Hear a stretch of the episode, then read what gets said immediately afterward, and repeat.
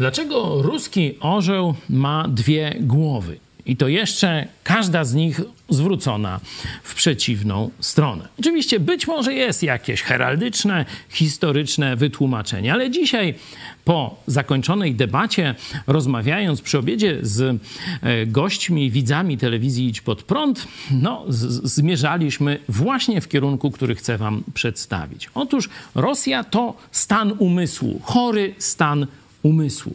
Tam z jednej strony chcieliby na zachód, to przecież reformy Piotra, cara, tego mm, takiego innowatora, reformatora, nie? To chcieli, żeby tak zachód przyszedł do niej, nie? No to jest to dążenie Rosji ku zachodowi, tęsknota jakaś tam za dobrobytem, za e, tymi, tym porządkiem, którym jest bogactwem na zachodzie. Ale z drugiej strony, druga część Rosjanina, nie? drugi jego um zapasowy, ten chyba niestety dominujący, to jest umysł azjatycki, gdzie właśnie to umiłowanie, umiłowanie to złe słowo, przyjęcie niewolniczego systemu, że jestem rabem, jestem nikim, a car jest wszystkim. Mogę go nienawidzieć, ale muszę go kochać, bo to jest mój car.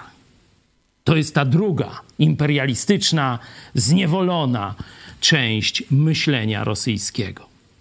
I Biblia opisuje tę schizofrenię o bardzo poważnych objawach dla sąsiadów. Te dwa umy, dwie głowy.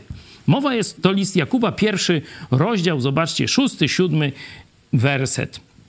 Tam jest o człowieku, który wątpi, z jednej strony prosi Boga, a z drugiej strony wątpi. Podobny jest do fali morskiej przez wiatr, tu i tam miotanej. Przeto niechaj nie mniema taki człowiek, że coś od Pana otrzyma.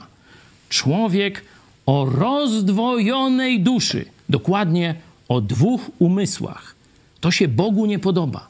To nie ma nigdy Bożego błogosławieństwa. Patrzcie na historię Rosji.